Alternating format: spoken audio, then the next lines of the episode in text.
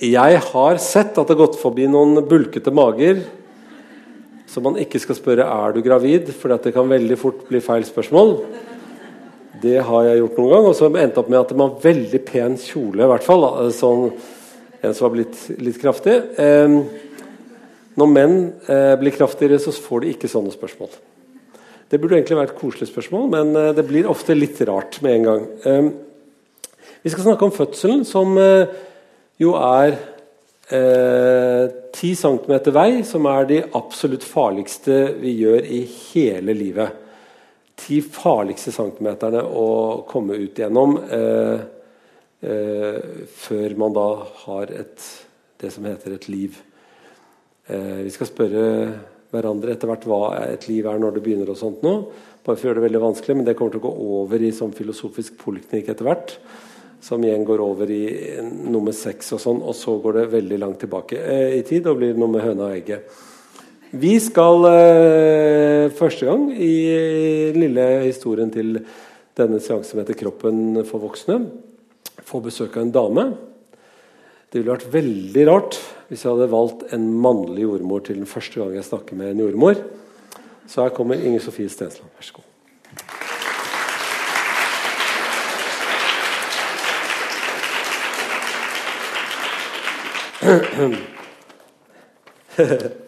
Litt sånn derre eh, Overstruck, er det det heter? Sånn, litt sånn, eh, sånn Litt ordentlig Får lyst til å bukke når man møter en jordmor, egentlig. Mm. Ja, du, du, kan forestille deg det selv? Ja. Menn bør bukke litt når de møter jordmødre? Eh, ja, jeg setter pris på at du ja. Første gang jeg traff en jordmor, så bare satt jeg hodet i eh, og bukket så alt jeg kunne, la jeg merke til.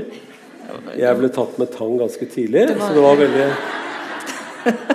det var, en, det var et voldsomt møte med jordmødre. Ja. Noe, et eller annet, hva er det for en utrolig grusom ting å møte folk med? En tang?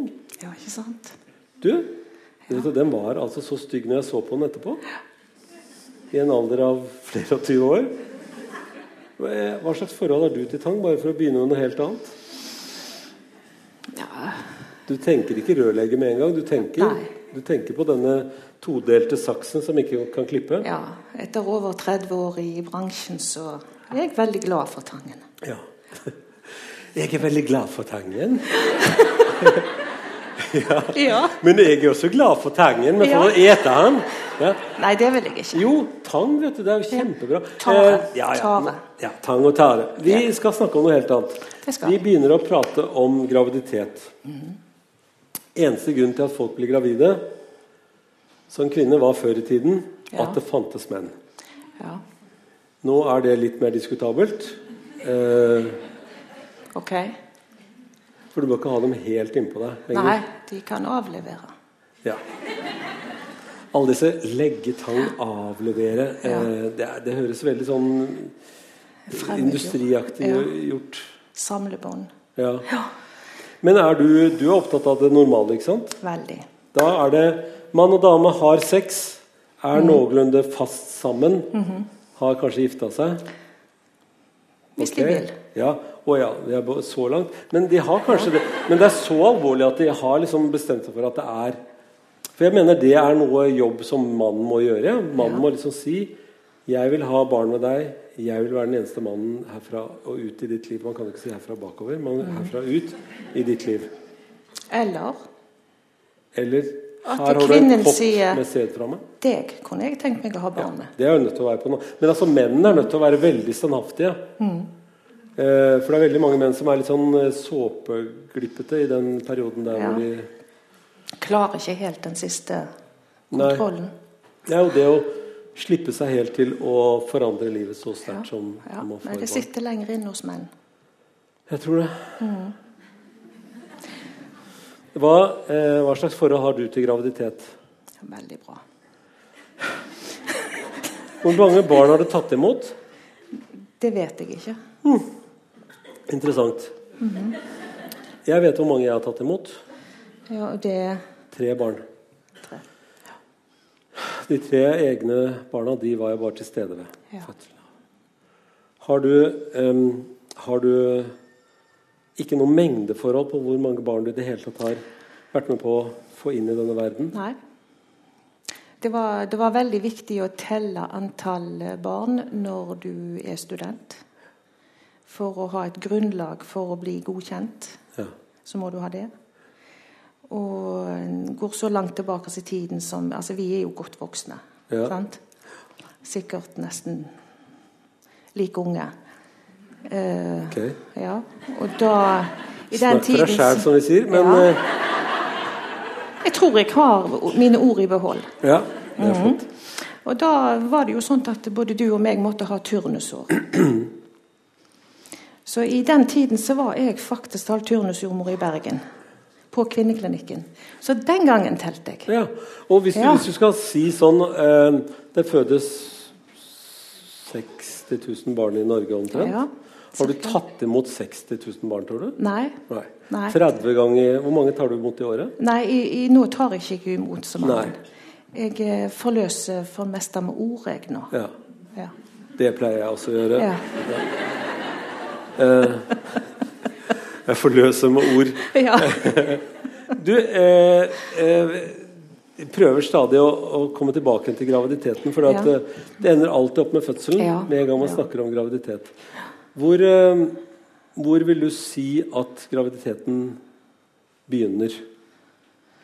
Fordi at egg kan jo slippe ut og bli en slags nesten-graviditet. Mm. For hvis man sier at egget og sæden treffes, så er det egentlig litt oppe i Holdt jeg på å si urinlederen, men det mener jeg ikke. litt opp, nærmer seg eggle, egglederen, ikke sant? Det er ganske høyt oppe forbi uterus, altså forbi livmoren. ja. Og så Da kan det jo være befruktet, men så kan det jo ikke feste seg og dette ut. ja. Når syns du en graviditet begynner? Er det når den har festet seg? Altså, det er jo et veldig vanskelig spørsmål. Ja. Men for at det skal bli et barn, så må nødvendigvis Ja. det befrukta egget ha festa seg. For å bli et barn så må det bli befruktet. Ja. For å bli et barn så må det også en hel masse andre ting. Ting som skal klaffe. Ja.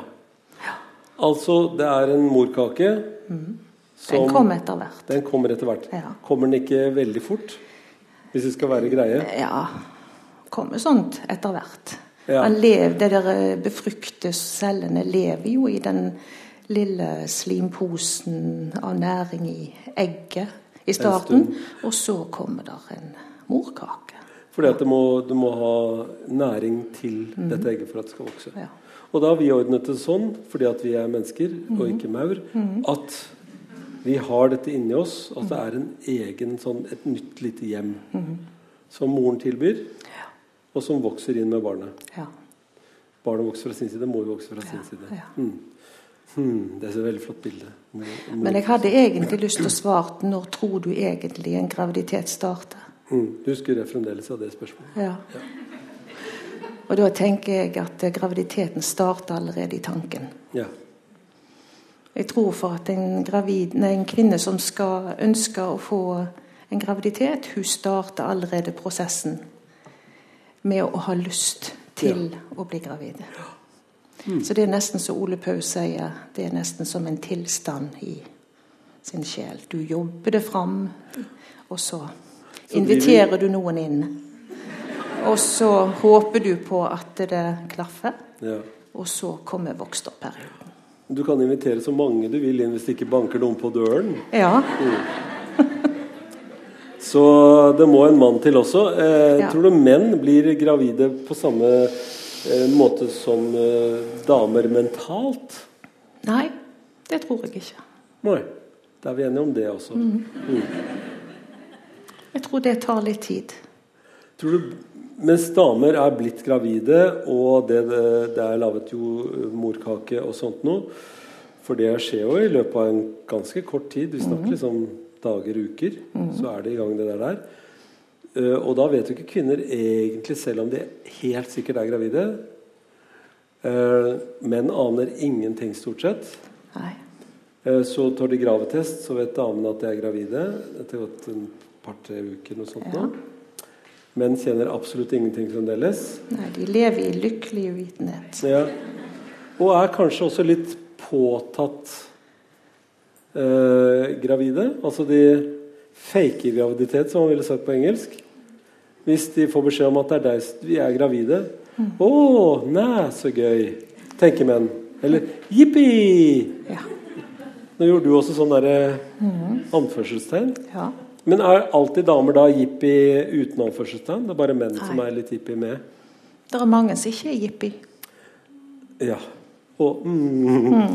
Det var noen som sa sånn mm, så trist. Men er det ikke de aller fleste som blir gravide eh, Vil ikke de bli gravide for tiden? Altså Hvis du ser i Norge i dag, er ikke de fleste gravide kvinner i Norge lystne på å bli gravide når de først blir det? Altså, det er jo et uh, tusenkronersspørsmål, da. Men Ja. jeg, vil, jeg velger jo å tro, i den bransjen jeg jobber, at de som vi møter, de eh, har eh, bestemt dette og ønsker dette inderlig. Og så er det den andre gruppen som ikke har så lyst å bli gravide. Og så blir de gravide. Ja. Og så Da må vi jo snurre aborthjulet på en eller annen måte. Vi må Ja. ta borti det, for vi må si noe om det. ja. Abort er jo rett og slett at eh, enten så detter jo dette fosteret ut selv og finner ut av en eller annen merkelig grunn at det der er ikke noe for meg. Eh, eller hva de tenker. Vi vet jo ikke hva de tenker. Eller om de tenker, eller eh, om det er genene som tenker, eller noen ting. Og så, Eller så er det noen som da fjerner det som kunne blitt et barn. Og jeg sa det på den måten òg, fordi at jeg er ikke så sikker på om det er et barn ennå. Um, dette har jo folk diskutert i uminnelige tider. ja. Eh, det skulle man ikke tro. Abort virker som noe veldig nåtidsaktig debatt. Men det var veldig vanlig å diskutere abort tidligere også, for det var jo veldig ulovlig. Og Veldig man kunne få øh, strengeste straff i Roma, altså rett og slett bli drept. Eh, akkurat som med selvmord. Hvis du forsøker selvmord, så får du strengeste straff, altså bli drept. Som jo føles litt rart. Um, Og så var det veldig farlig. det var veldig farlig også. Man kunne, Ja. Men man, det var masse metoder. Massasjemetoden, uh, bryggemetoden, fiklemetoden. Ja. Det var masse metoder. Ja. ja. Uh, Men også pavekirken sa til slutt at dette her er ikke, Det er lov å ta abort, sa, sa de i pavekirken også tidlig på middelalderen. Hvis man gjør det når ikke dette er besjelet. Altså når ikke sjelen er kommet inn Ok. så det måtte til. Det var litt sånn nytt for meg første gang jeg leste det, at sjelen måtte inn før det het drap. Men det gikk jo ganske mange hundre år før kvinnen fikk sjel. Eh, Det tok litt lengre tid. Ja. Menn fikk jo sjel etter 40 uker. ja. Eh, Kvinner kunne ta Nei, 40 dager, mener jeg. Kvinner Det hadde vært ganske langt. Men menn kunne Eller guttebarn fikk sjel etter bare 40, uker, 40 dager. Jenter, barn 90 dager, sto det i de gamle tekstene.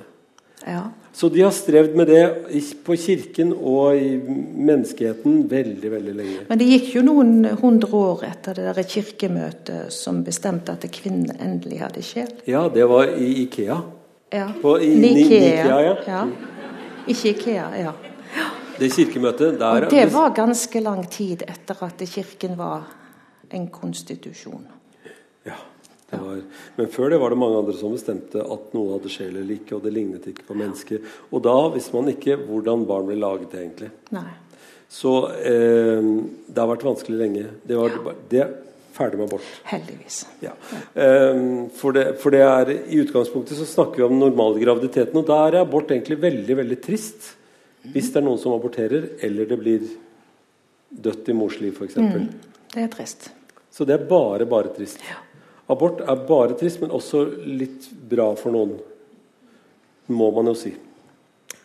Eh, Og så har vi det som er at det ikke blir til barn. Og det er jo heller ikke lov i den katolske kirken. Så jeg vet ikke hvordan de har ordnet seg der, men det har altså ikke Det er veldig, veldig prinsipielt, syns jeg. Jeg er ikke en prinsipiell mann. Jeg mener jeg er en ganske praktisk fyr. Som er veldig glad i mennesker. Du hva, Der er vi veldig like, da. Åh, Det kom med alderen. Ja. Eh, historisk sett, hvor mange eh, det, Du er jo jordmor i tre generasjoner, er du ikke det? Jo. Ja. Så dere har, vært, dere har ikke funnet på noe nytt å gjøre? Din, Nei. eh, men i før i tiden så var det å få, konta- få tak i jordmoren Hun må komme Det var jo veldig var... helt på slutten-hjelpen. Ja. Akkurat fødsels Kanskje hvordan traff de dagen vanligvis? Eller måtte de være der en stund? Måtte av og til losjeres inn. Ja. Ja. Og så, og så ble det en jordmortjeneste, som er en av de første helsetjenestene i Norge. Ja. Kan du Jo. si litt om hvordan den eh, vokste fram? ja. altså jordmødrene eh, er faktisk talt det første offisielle kvinneyrket Oi, i Vi er vant til, vi gutter, at det fins et yrke før det. Det, nev det nevnes ikke her. Nei, ok. For dette er et uh, høy utdannelse. Mm. Og det var den første offisielle kvinneutdannelse i Norge. Det var jordmoryrket. Mm. Var det det? Ja. Ikke sekretær, altså? Overhodet ikke. Nei. Så er å Så vi kom før sykepleieren, og vi kom før eh, Mm. diakonen, og vi kom før eh, ja. Og det var utdannelse først, eller var det bare folk som kunne ta Nei, imot det var offisiell utdannelse. Mm. Som ble beordret fra kongen i København. Mm. Og så ble det danna jordmorskole i Oslo og i Bergen. Mm. Og for noen år siden så feirte vi 150-årsjubileum i Bergen. Nå kan ikke jeg regne så fort tilbake, Nei. men det var Nei. sikkert veldig lenge. Det er lenge siden. Men Norge var jo da blitt et land. Ja. Den, det regnestykket klarte Det var etter uh, Grunnloven. Vi feirer jo 200 år i år. Ja, var det, det Ja. regnestykket hadde jeg gjort Det, det, ja. mm. Eh, men eh, når var det så at jordmødrene dro hjem til folk Mhm. og tok imot barn? ja. Men når ble mitt yrke, altså legeyrket, når okkuperte det fødselen? Når ble det, når, når ble det en del av Det var vel ikke på diagnoselisten, men det å føde var liksom noe man skulle inn på sykehus helst gjøre? Ja, altså det? Det å føde barn har egentlig aldri stått på en diagnoseliste. Nei. For det er så normalt. Det skulle egentlig bare være friskt. Ja. Men eh, fødslene ble institusjonalisert eh, sakte, men sikkert i eh, ja, 40-50-tiden. I småbyer rundt omkring, siden du liker dialekten min så Ja. veldig godt. Haugesund var det Haugesund, ja. Så i Haugesund fikk de faktisk talt eh, fødeavdeling og fødeinstitusjon på 50-tallet. 1850? Nei, 1950. 1950. Ja. Jeg er en av de som er født hjemme. Ja. Og jeg er helt oppegående. ja, for du har ikke Du har av tilfeldige grunner ikke tatt skade av det? Nei. Nei. Og det er de færreste som eh, blir født hjemme, tar skade av dette. Jeg er Men- født altså til og med med tang, og man kan diskutere om jeg har tatt skade. Ja, nei, du har, du har en liten som er litt Ja. artig. Ja, jeg har noen liten. Men eh, for å svare på litt konkret på det spørsmålet, da.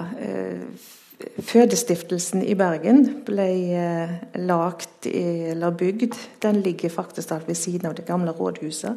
Den er reven. Nordea-banken er der i dag. Men der var den første fødestiftelsen i Bergen. Og den ble bygd på eh, 1870-tallet. Og den ble utelukkende bygd for å utdanne jordmødre. Og de som kom til Bergen for å bli jordmor, de eh, kom stort sett fra Vestlandet og fra Nord-Norge. Trøndelagen og Nord-Norge. Med båt. Ja, de vandra langs med båt og over fjeller. Og de som reiste til Oslo, var ofte de som kom fra Dalane og mer oppover der. Ja. Så det var for å utdanne jordmødre, for å ha en sikker jordmortjeneste, eh, at den ble lagt. Hvor, hva er de største forandringene ved det å føde normal fødsel som har skjedd i løpet av, av, av den tiden vi har hatt liksom, institusjonalisert fødsler? Ja, Den største Det, det er jo en Det er jo en Skal vi ta det med Ja.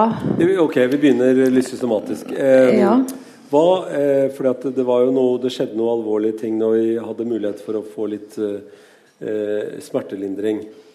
Mm. Så ulike typer smertelindring har jo liksom gjort noen ting med fødslene. Mm. Ja. Det, det, var jo før liksom den utrolig renslige sykehuset kom etter hvert, så, så, var det ikke så renslig på sykehuset, men var, man, man, fikk da i hvert fall noe smertestillende. Eh, lystgass ble jo først oppfunnet som sånn noe ja. man kunne få smertelindring ved på sykehusene. Ja. Når det, det kom, det kan jeg faktisk ikke datere. Men lystgass var jo en av de tingene som eh, ble en god hjelp. kom uh, ble funnet opp i 1790 du, kjekt. av herr Pearsley. som oppdaget Han oppdaget også oksygenet, var ikke det litt interessant? Og så fant han ut det med lystgass. Han eksperimenterte ved venner og poeter. De ble veldig rolige og litt euforiske, men ikke fullt bedøvet. Og så, for det kan jo, Hvis man tar for mye lysgass, så kan det fordrive oksygenet. Ja. Og da går det veldig, veldig Alt som fordriver oksygenet helt, går veldig feil. Um, det brukes også i, i spraybokser bare så dere vet det, og, og til forbrenningsmotorer. Og så er, oppdaget han også at man kunne presse eh, gass inn i vann, så det ble såkalt mineralvann. En kamerat av han, herr Schweppes, eh, brukte det litt forretningsmessig. Så det, det, er, det er en spennende fyr. Eh, 1790, så det er en stund siden lystgassen kom. Ja. Altså At det har vært mange lystige stunder på fødestuene i Bergen, det, har, det er jeg sikker på. For det lakk jo så veldig i Bergen. Det... Ja, vi lakk. Ja. Eller det sier vi ikke fort nok ut. Nei. Så vi ble værende i den lykkelige tilstand. Ja, hvordan blir man egentlig Jeg har tenkt å eh, ta alt det der eh, sånn narkotiske har jeg tenkt å ta litt senere i livet. Ja. Men, eh, men, hvordan blir man Du har jo gått mye lystgass. Ja, i en periode så Blir du fnisete, eller blir du bare lett på fot? Jeg tror jeg velger det siste. Ja. ja lett på fot lett og slumsete. Mister du ting? Nei, Nei. overhodet. Nei, jordmødre gjør ikke det. Nei. Nei. Men lystgass eh, skulle jo da føre til at man blir lattermild og, og ikke kjenner så mye smerte? Ja, altså for å si det på fagspråket sånn som vi lærer da, eller har lært, det er at når man tar et sup med lystgass, så tar han toppen av eh, smerten på rien. Ja. Han bedøver aldri alt. Men eh, kvinnen opplever at rien ikke var så lang og ikke så vond. Det var på en måte effekten av lystgass. Men nå får man ikke lystgass her oppe? Nei, i Bergen har vi stengt kranen. Ja. Av mange grunner. Av mange grunner. Fordi at det var ikke noe bra for dere som jobbet der? Og... Ja, og fordi ventilasjonsanlegget faktisk ikke tok ut avgassene. Ja, Men det var ikke noe bra for dere som var En ting er at man går litt sånn lattermild på jobb. En annen ting mm. er at det kan skade foster og sånt på de som er gravide. Mm. Tidlig gravide, altså. Ja. Så vel. Eh, andre bedøvelser som kom? Etergass brukte det ikke man noe særlig på fødsel. Eh, etergass ble brukt under fødselen til Victor, dronning Victoria. Ja. Er ikke det utrolig? Ja. Min favorittlege dr. Snow, som, fant, mm -hmm. som innførte det til, til, til, England, han fødte da under skjørtene på denne her mm. dronninga. Og ut kom det et barn der òg, altså. Eh, andre eh, smertestillende ting som du bruker?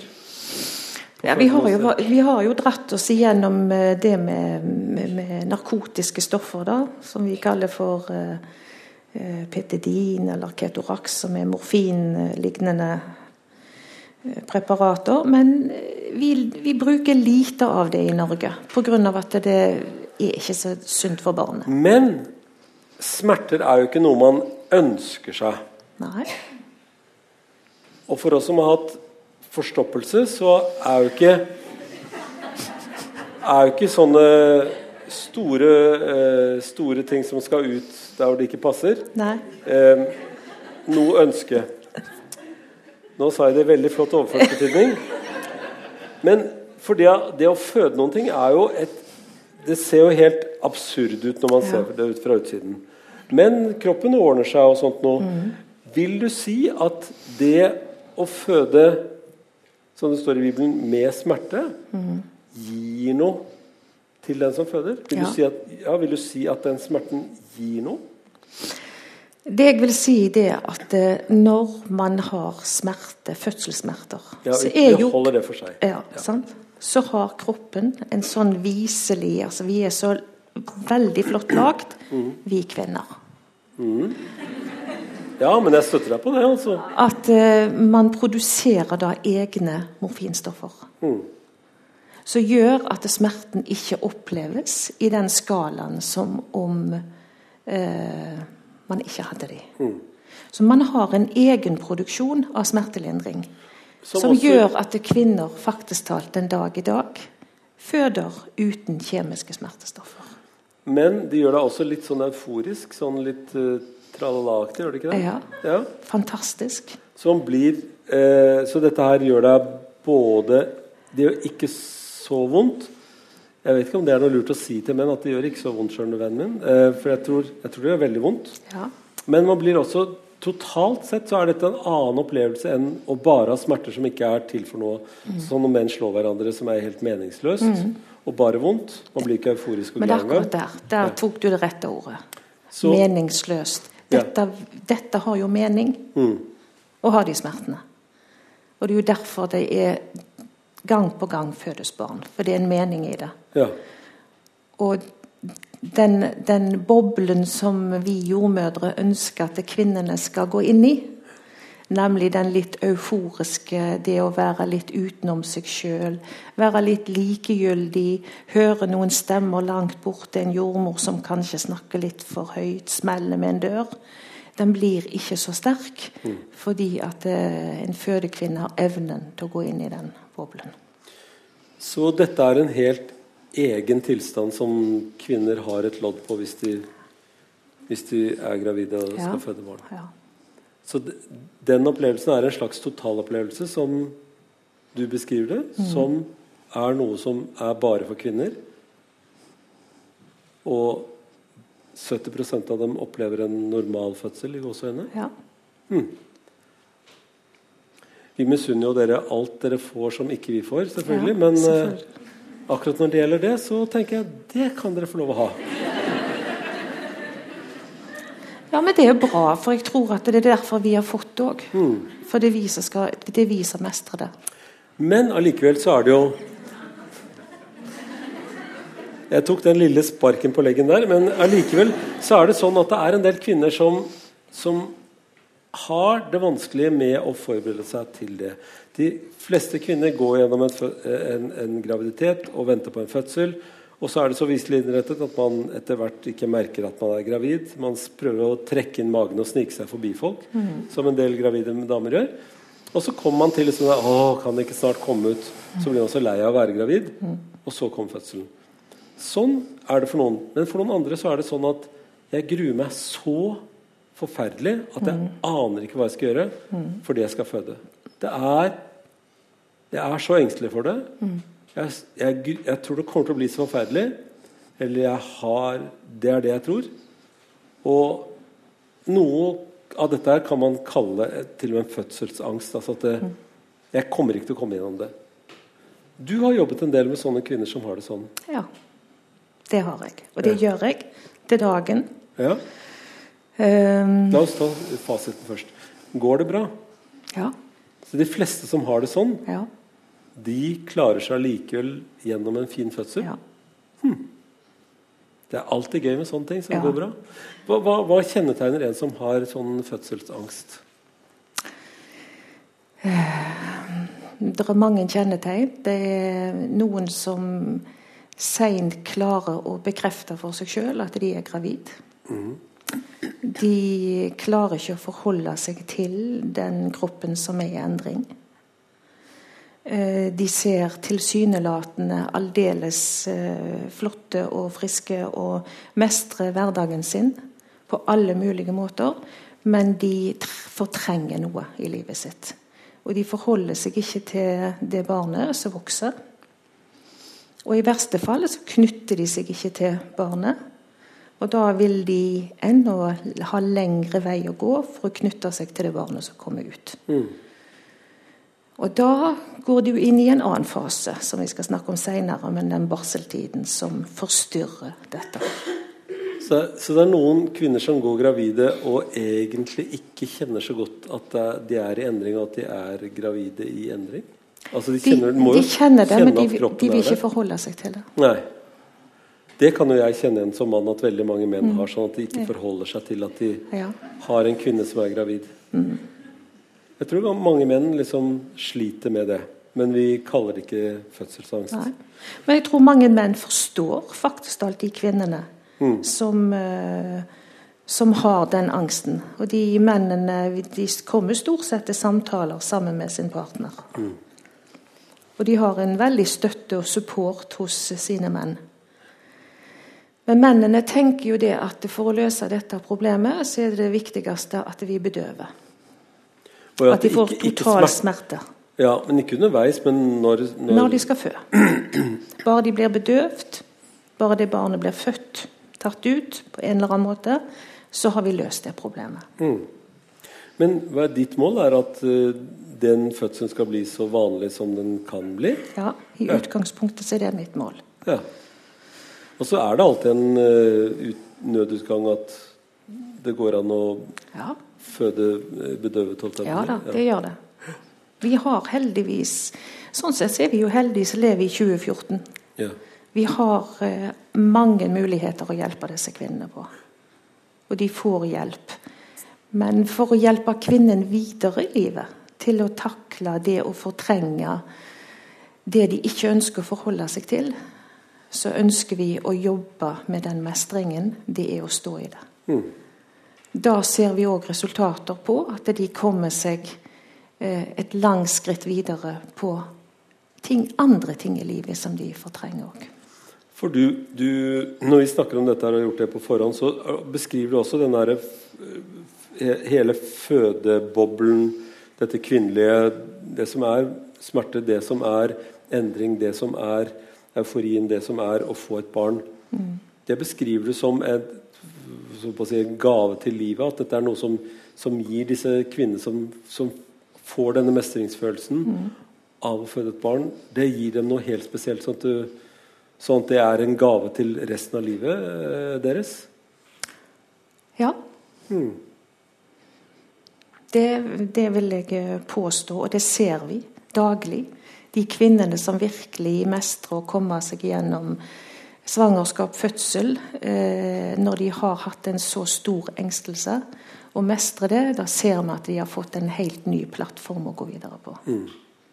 Og det er stort. Det er derfor jeg sier at uh, jeg er like mye jordmor ennå, selv om jeg ikke står med fødesengen, men jeg forløser med ord. Mm. Eh, forløser du noen fedre? Ja. For det, eh, Som mann så blir jeg opptatt av at, at det er en slags tosidighet her. At vi menn også er en del av at det fødes et barn. Mm. For Hvis du ikke får to foreldre når du blir født, så blir det ganske vanskelig for deg som barn. Mm. Uh, er det mange menn som ikke får til å få barn? Jeg tror det er mange menn som faktisk ikke klarer å innrømme for seg sjøl at de gruer seg til å bli far. Gå inn i en ny rolle. Det å faktisk at de er medansvarlig for et nytt liv. Eh, men jeg har òg opplevd at det er kvinner, nei, par som har vært til samtale, der har menn ringt i ettertid og spurt om å få samtale for seg sjøl. Mm. Eh, og jeg tror at eh, mange menn hadde hatt godt av å kanskje få en Eh, for de som kvir seg, og for, som ønsker faktisk alt å ta del. Det er jo noen som, er, som vi snakket om i starten, som sier at ja, dette går greit, og dette, sant? men de går ikke inn i det med hele seg. Og så forventer på en måte, Hvis vi skal se på det samfunnsmessig, så forventer vi jo i dag at eh, far skal forholde seg til det barnet. De har fått eh, permisjon.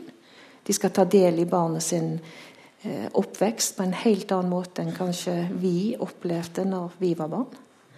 Og da tenker jeg òg at det er mange menn som må forløses for å komme dit hen. Det er jo sånn mellomgenerasjon, mm. i den forstand at altså alle er vel kanskje det mellom to generasjoner. Men altså min far Han var en sånn som Han var ikke med på fødselen. Da tror han bare sto og så på en sånn glassvegg på en film. Eh, han syntes det var veldig rart å, å, å, å, ta i meg også. Jeg er førstefødt. da eh, Og syntes det var veldig rart jeg var så liten at jeg kunne gå i stykker. Og han syntes det var vanskelig å trille barnevogn med meg i. Han syntes det var så flaut. Mm. er sånn er det Haudemann Andersen han heter. Han syns alt sånne ting er så flaut. Som ikke er sånn karslig og, og hardt. Men, eh, og, og, men far hadde ikke hatt det, um, det hadde min far. Ja, se der, ja. Der stoppet likheten mellom fedrene våre. For jeg var jo ikke en sånn far. Jeg var jo en generasjon hvor man skulle ta del i fødselen og være hjelpe mor og alt det der. der. Og, og, også Jeg hadde en veldig sånn følelse av at jeg burde være med fra starten av. Så jeg husker veldig godt fremdeles øh, første møte med min førstefødte, min sønn, det er jo veldig veldig sterkt. Og jeg syns jeg forandret meg veldig. Mm. Uh, jeg syns at da jeg kom hjem fra fødestuen, at jeg ikke hadde noe hjemme å gjøre. For at jeg måtte passe på mor og barn. Mm. Og det var så sterkt at jeg nesten ville si Jeg kalte det for løvefølelsen etterpå. Mm. Så jeg hadde lyst til å stå ved sengen og sånn til de andre. Og jeg tror og hadde masse fantasier om at de kom bare til å slenge det barnet ut av vinduet, legge det i en gang et eller annet sted. eller noe sånt nå. Mm. Så selvfølgelig er mine forsvarsmekanismer. Men eh, eh, ganske sterkt å bli født som far på den måten. Mm. Kjempestolt og fryktelig skremt. Og uh, sikkert noe tilsvarende som kvinner blir på den andre siden. Mm. Uh, bare på mannemåten, hva nå det enn er. Vi snakker ikke så mye om sånne ting, menn, merker jeg. Nei. Uh, egentlig litt rart når man vet hvor viktig det er med fedre. Ja. Uh, men det er blitt mer og mer, mer og mer Følelsen av far er jo mye tydeligere når jeg nå er farfar og bestefar. For det er også noe man fødes til besteforeldre. Mm -hmm. og det er, noe også nytt. har du har, har, du noe erfaring ut fra at det fins nye generasjoner som kommer og klenger seg til de nyfødte. Og ikke står på avstand og bare er sånn Da tenker du på de nye fedrene? Da? Nei, jeg tenker på bestefedrene. Ja. Trenger de seg på? Ja, altså i, På kvinneklinikken så kommer de eh, Jeg mener ikke bestefedre, jeg mener egentlig besteforeldrene. Ja, besteforeldre, ja da. De har veldig behov for å være til stede og, og um, ta del i den nyfødte familie. Mm. Ja. Jeg får en følelse av at uh, nå er min jobb like mye som å ta et skritt fram når jeg var far, mm. og ta et skritt tilbake når jeg er farfar. Ja. Og ikke blande meg så fryktelig mye i hva de holder på med. Og bare være tilgjengelig hvis det er noe behov. Og det er det veldig mye av i dag. Ja. Behov. Ja. Og så kan vi besteforeldre ikke dekke alle de behovene. Nei. Vi har, vi, har, jo vårt arbeid å drive med. Ja. Og vår og familie å passe på. Ja, og det er akkurat det. Der er det um, Vi har jo en besteforeldregenerasjon som er i arbeid, mm. og som er um, har mer enn nok med sitt. Mm. Sitter her og snakke og jeg, sånn. Jeg, jeg, sånn. jeg, mente ikke at vi skulle dytte ja. besteforeldrene opp i denne fødselen Nei. også, for at fødsel er nå først og fremst kvinnens. Mm. og Eh, er det andre ting enn den angsten som eh, en del kvinner har for å føde, som man skal passe på når man er gravid? Det sitter helt sikkert noen snikgravide her også. Mm. Eh, er, det, er, det, noe man skal passe på når man går og er gravid?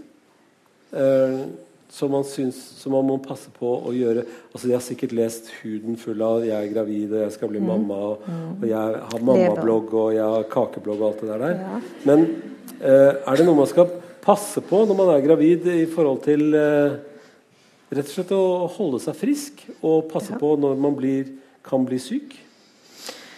Vet du, Jeg er så vanntørst at du drikker så lite at jeg gjør sånn. Det var godt du ikke gjorde sånn, for da hadde jeg blitt forkjølt. Ja, altså hadde, hadde... Skål. Skål. Altså som eh, som gravid, ja, så skal du egentlig leve så normalt som mulig. Ja, men det høres jo veldig lett ut. I, i dag er det lett. Ja, Er det det? Ja.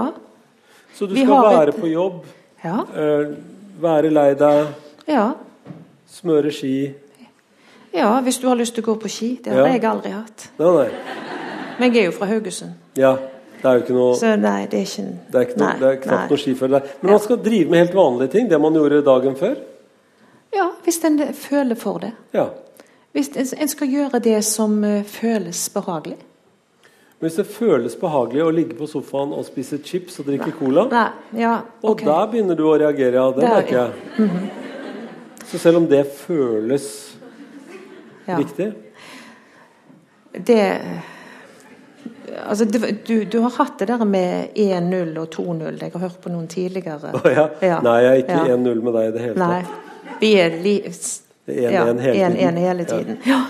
Uh, selvfølgelig. Altså Når jeg tenker normalt, så tenker jeg da på øverste hylle så tenker jeg en kvinne som er i dag de, I dag er gjennomsnittstiden for en førstegangsgravid, hørte jeg nettopp på radioen, er 28,5 år i Norge.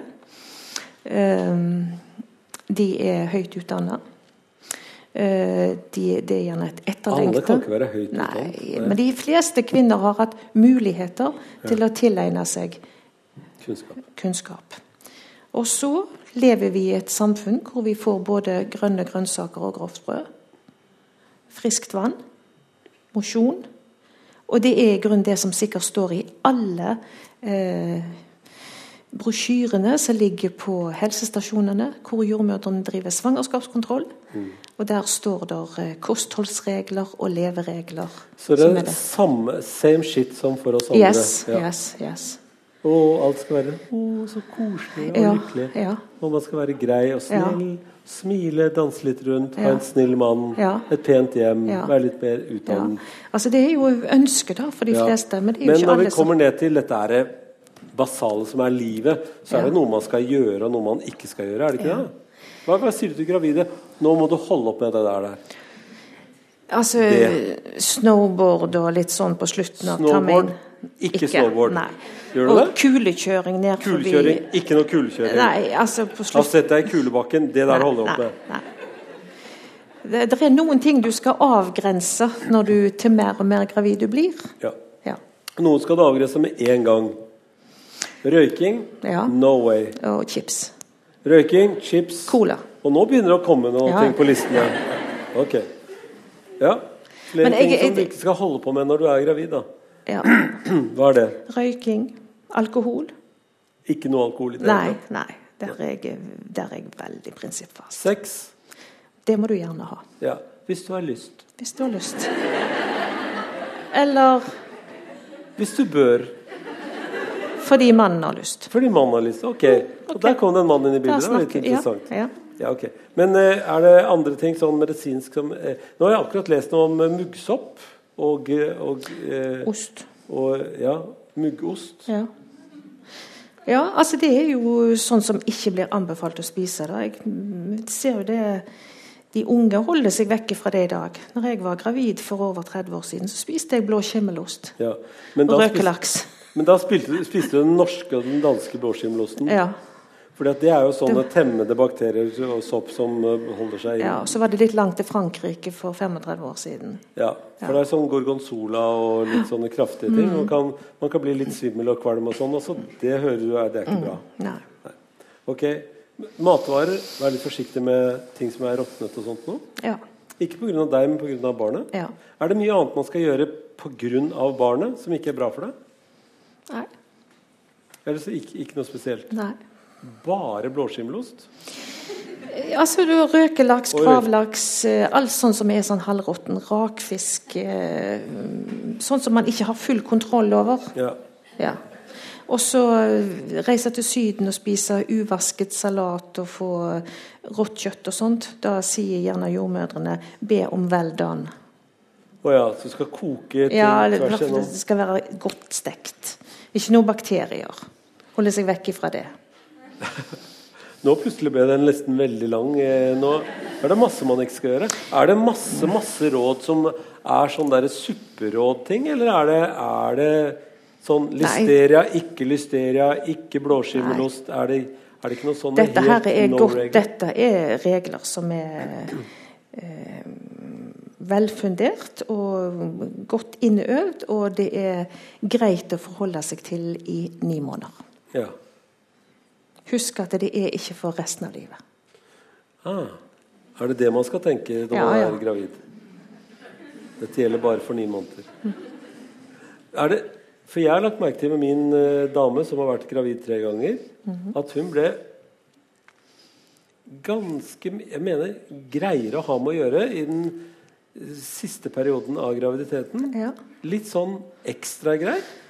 Og ble brun på kroppen og ble, var veldig frisk. Og Ja. trodde hun kunne gjøre hva det skulle være. Er, er, det, er det en slags graviditetssykdom, det også? At man blir litt sånn Ja. høy på og går, alt går fint-aktig? Høy på seg selv, ja. Ja. ja.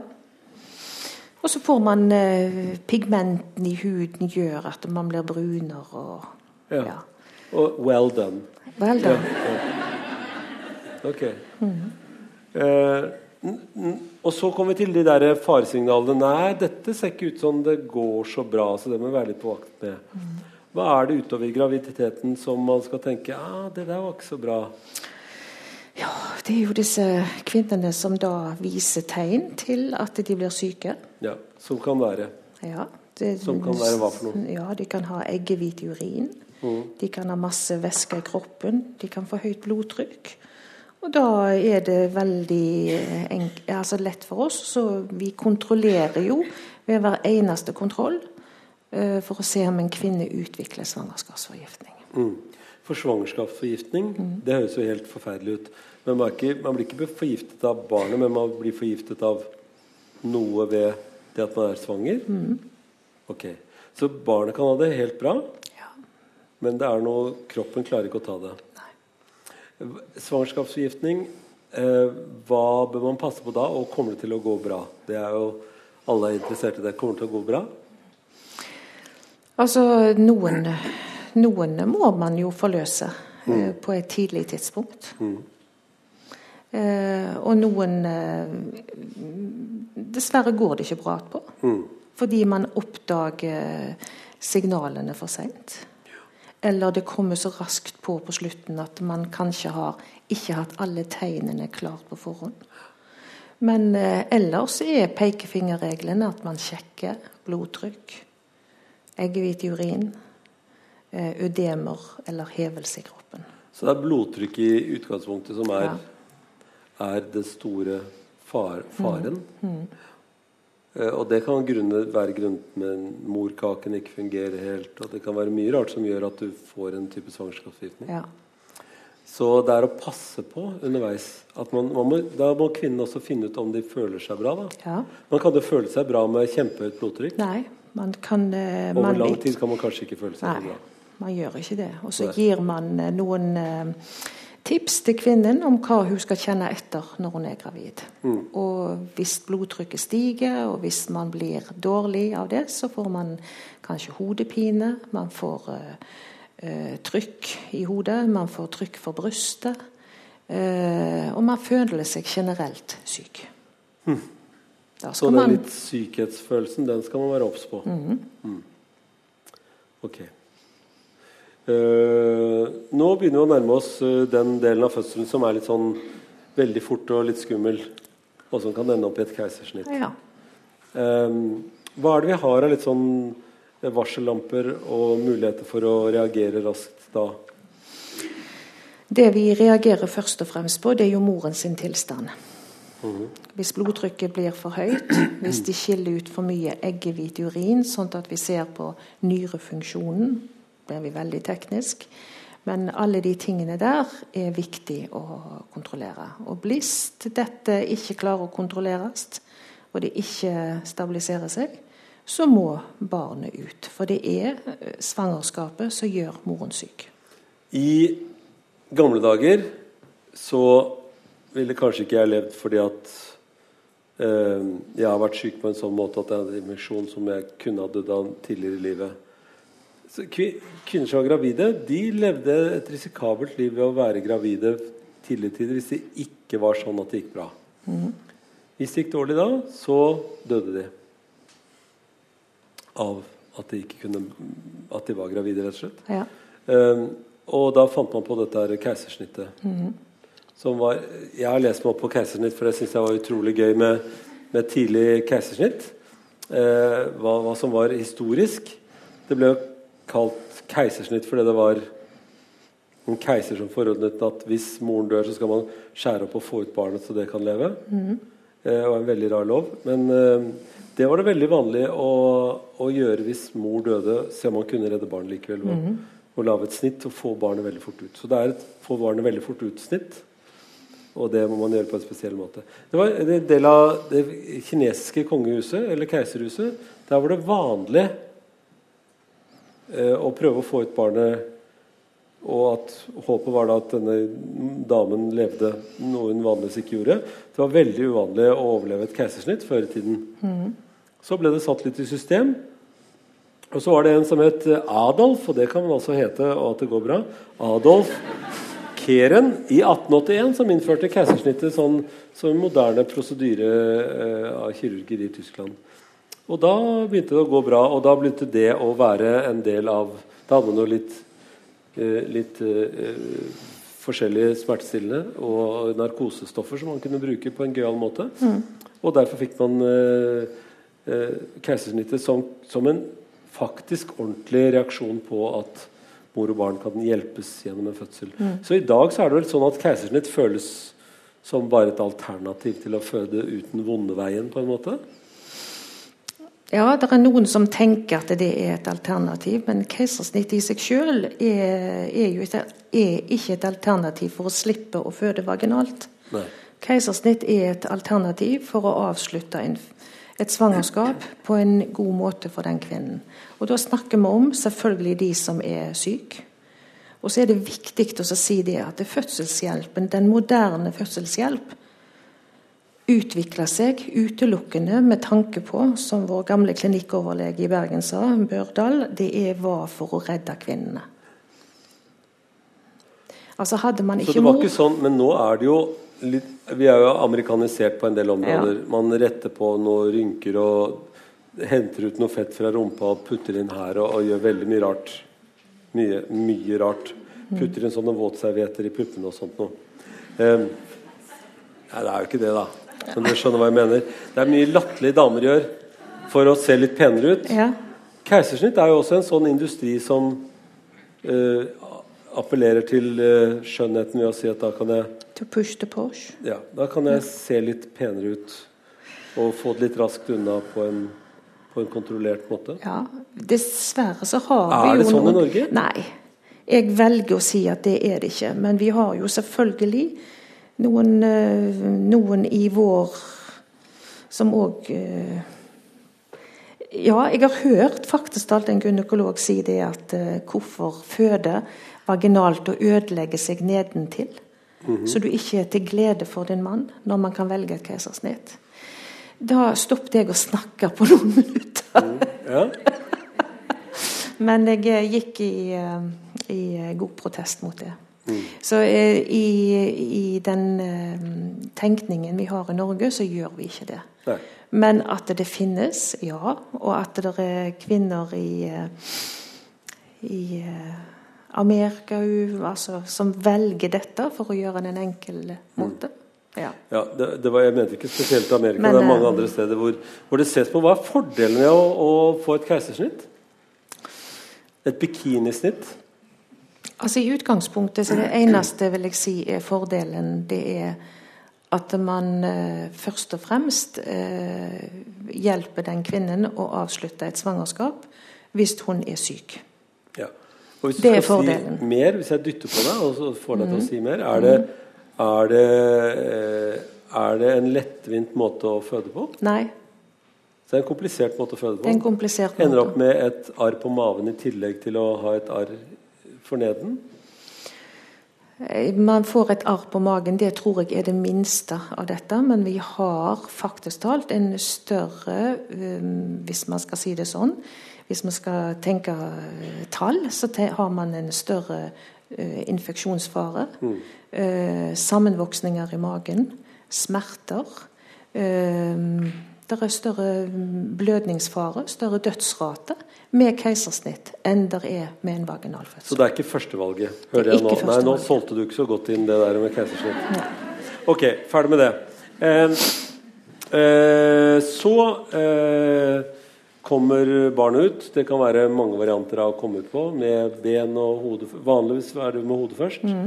men det kan være mange varianter av det. står ja. det masse altså mye bøker hvis man har lyst til det. Men en vanlig fødsel er nå det som en vanlig forløst fødsel er. Er at da, Denne tangen jeg ble tatt med, mm. det er ikke så vanlig lenger, er det det? Er det fordi at jeg hørte En periode så var det mer sug. De skulle liksom gjøre litt greier. De fikk en liten kalott på hodet når de var ferdig med å være ute. Så, sånn. Mm. Og så ble det igjen fordelt igjen? Mm. Det er veldig det, altså, det er veldig lokalt. Eh, her i Bergen så er vi veldig kjent for å legge tenger. Legge tanger, tenger her? Ja. ja. Tenger. Men eh, drar du til uh, Oslo, så bruker de mer vakuumsug. Ja. Så det har litt med de Men det er bare hjelp for å liksom få den siste barn, faten? Ja. Mm. Uh, og alt det der som kan skje under fødsel, det, det kan man jo lese av til man blir enda reddere. Og mm. man, kan lese, man, kan oppleve det og bli mindre redd av det. Ja. Så uh, det, det, er best å være Hvis man skal snakke veldig om fødsel, så er det best å være der det fødes. Ja. Det jeg, var veldig redd for fødsel før jeg hadde vært til stede ved fødsel. Ja. Det ser veldig skummelt ut, men det går jo forbausende bra. Ja. Uh, og så kommer dette barnet ut. Ja. Og det er jo den største forandringen i foreldrenes liv. Og det visste man ikke før man ble foreldre. Nei. Det der første møtet med et nytt menneske er jo mm. eh, helt eh, Hva er det som heter? Sjelsettende, er det det heter? Mm, ja. Eller det heter enlightenment. Man blir liksom opplyst på en eller annen Det er akkurat som å få et kjempeblits på seg med mm. Nå er det meg som er blitt medlem av denne klubben. Mm. Med, med, mennesker som kan lage mennesker. Ja. Det er mm, når jeg har eh, undervist litt på fødselsforberedende kurs, så prøver jeg å bruke litt tid akkurat på den biten som heter det å faktisk talt å bli foreldre. Mm. Du begynner med det lenge før de blir det? Ja. ja. Jeg tror at vi har brukt litt for lite tid. Eh, vi har en god svangerskapskontroll i Norge. Vi har veldig god fødselshjelp i Norge. Eh, og jeg tror at vi har brukt altfor liten tid til å forberede nå den moderne familie med far i permisjon, besteforeldre i full jobb, eh, til å faktisk forberede seg til den største endringen i det paret sitt liv, nemlig å bli mor og far.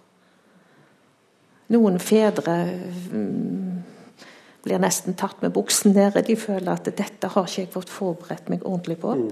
Og som en kuriositet så satt jeg en dag og så på fjernsyn, og ser i England så har de altså begynt pappakurs hvor eh, pappaene må øve seg med melon på magen og gå opp i badekar med altså Det ble dratt litt langt i en norsk sammenheng, da, men det å faktisk prøve å sette seg inn i hva er det som skjer av endring, for òg å kunne mer forstå det som skjer under fødselen, og at du skal ta del i dette. Mm.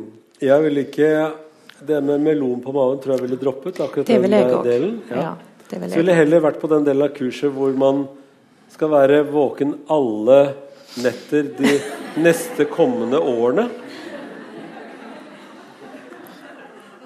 Og øve på det. Og ikke få sove tvers gjennom en natt lenger. Da kan man si til deg ja, det varer bare noen år, ville jeg da sagt. Ja.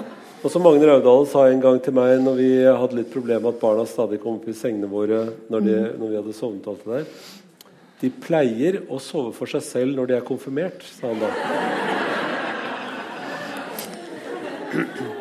Og det gjør de jo. Og da, glem, da hadde man så lyst til en sånn periode hvor de er så kosete treåringer igjen. Eh, for nå kom vi over i det der å etablere seg, og, og da, akkurat de første dagene er jo Det er jo ikke helt ferdig med å føde de damene som har født. Det virker som når du har født, så har du behov for å ha et eget navn på det, nemlig barsel. Mm. Altså øh, barnsøl. Er det egentlig det kommer av? da, Man, man skulle drikke øl mm. fordi det var kommet en ny sjel til livet. Og det var mest mennene som skulle drikke, tror jeg. Men eh, man måtte drikke dette barnet velkomment. Derfor barnsøl, altså barsel. Eh, det var jo en slags stil... Også jordmoren hun fikk faktisk talt en god dram Ja, i et lite tinnkrus. ja. Og her i Bergen så har vi faktisk talt en uh, gullsmed som lager disse her små tomlene uh, som jordmødrene fikk, hvor de skulle drikke en liten akevitt Ja. eller noe sånt for å feire dette barnet var kommet til verden. En en veldig god skikk. Ja, selvfølgelig er det det. Syns det, den kunne bli tatt opp igjen i Ja, enkelte Det er jo flott hvis man er på en fødeavdeling hvor man tar imot så mange barn hver dag. Så, og vi var vant til å ha lystgass. Da trenger vi ikke Og nå, vi, nå går vi over til akevitt. Eh, men fordi at barn eh, Barsel er jo en tid hvor, hvor man må tenke litt at kvinnen har lov til å være på spa eh, liksom, mm. uten å være det. Ja. Eh, for da må det nesten være sånn hedersgjest De, hjemme. ja, de skal få lov å være keiserinner i uh, sin tilværelse i Mm. den tiden de er barselkvinner. Mye keiserinne Mm. rundt dette fødselsgreiene. Keiserting. Eh, Min kone sa første gang eh, eh, når hun skulle hjem fra sykehuset, sa hun sånn Kan det ikke du male om hjemme? Em, og det er så helt urimelig. Eh, men det gjorde jeg. Altså, jeg malte veggene hvite, for det, hun sa det er, de, er, de veggene er altså så stygge. Malte om. Eh, så det er en del for menn å gjøre også, hvis man eh, ser etter. Kanskje man skal legge inn en sånn ekstra innsats fordi man ikke har, har hatt det så vondt akkurat når man fødte. Eh, og, og det å lage god mat og ha rent på sengene og sånt, det er man veldig opptatt av Ja. som barseldame. Barseldame? Ja. Eh, alle rundt burde jo oppføre seg som supportere på den, i akkurat den. Hvor lang tid, mange dager syns du det tar før de skal være normale igjen? Ja, altså Du sier ikke ni måneder nå, for da dreper jeg deg. nei. Altså, det er i grunnen veldig enkelt, for det står faktisk talt skrevet både i, eh, i Skriften, i Bibelen, så står det om en definert barseltid. Og for oss som er utdanna i fødselshjelp, så vet vi at dette tar eh, 40 dager. 40 dager. Mm. Vi sier seks til åtte uker. Ofte så tar det. Så derfor skriver dere ut nyfødte så fort som mulig. Sånn at far kan ta seg av det selv hjemme. Ja. For det er jo en veldig trend nå. Altså, jeg tror min mor lå en ukes tid og Ja. så det. er med meg med tangen løsnet. Ja. Eh, Ja, altså det er et paradoks, men altså eh, Noe av det som ikke endrer seg, eh, som har vært uforandret siden livets begynnelse, det er at det er kvinnens behov for å komme tilbake til der hun skal være når hun ikke er gravid, den er uforandret. For det tar så lang tid for at en kvinnekropp skal få komme og restaurere seg og være der hun er. I dag så sier vi jo at det går litt fortere, for vi har bedre hjelpemidler, vi har eh, hygiene, vi har medisiner. Men òg den psykiske biten. Det tar tid for en kvinne å faktisk talt falle til ro. Ikke minst reflektere over den reisen hun har vært med på i sitt liv. Eh, og for å balansere da den psykiske biten for å kunne komme bra ut av den situasjonen. Og da er jo jeg selvfølgelig veldig opptatt av de kvinnene som eh, bruker lengre tid for å komme tilbake oss. De kvinnene som får psykiske problemer og en barselsdepresjon. Og For at en kvinne skal ha mest mulig sjanse for ikke å komme der, så skal hun ha tilstedeværende, gode mennesker rundt seg. Og da vil jeg jo si at den lykkelige pappa er det nærmeste valget. Så lykkelig pappa er også en del av det å ha en bra barseltid. Absolutt. Så den, noen må være litt sånn grei med pappa også. Ja. Og det kan ikke være mor. Det Jo, jeg tror, jeg, tror, jeg tror jo det er et gjensidighet, jeg. Ja, men det bør kanskje være noen eh, den, den store kretsen og også alle Ja. rundt. Eh, Altså, vi har jo historier som sier at eh, eh, det å gå med barselgraut, eh, med sengemat Med de tingene så var det eh, Historisk sett så hadde dette med å gjøre det godt for den kvinnen som hadde født. Ikke minst verdsette hun som hadde fått et nytt liv til verden. Eh, Men du òg letta byrdene for den faren som ikke hadde på den tiden kanskje de egenskapene til det, for han skulle kanskje pløye jorden og melke kyr. Da snakker vi om eh, eh, noen tid tilbake. oss. ja. Men eh, behovene hos kvinnen er de samme i dag. Men selvfølgelig ikledt en ny drakt. Og så er det jo da vi som lever i det, denne tiden av samfunnet vårt, som skal tilrettelegge det best mulig for den kommende mor og de mødrene og fedrene som er. Og hvordan gjør vi det best mulig? Så det å komme med barselsushi, det er kanskje en Vet du hva, det høres det, eh, Ja, det høres bra ut. Da var- kan du i hvert fall spise det. Rå fisk, for da har hun fullt. Eh, vi, nå har vi tatt en liten runde hvor, eh, hvor eh, fra liksom ingenting til at man har fått i gang et, starten på et nytt liv, Mm. og at det er blitt et nytt liv som er født til verden. Eh, og da barseltiden er jo eh, er jo en del av graviditeten fremdeles, tenker Ja. jeg. altså En del Ja. av graviditeten og fødselen. At det tar en lengre tid enn man tror. Eh, og så skal man oppdage dette barnet, bli kjent med det. Og, og sånn sett så tar jo graviditeten resten av livet. Eh, det, Nei. Ikke graviditeten.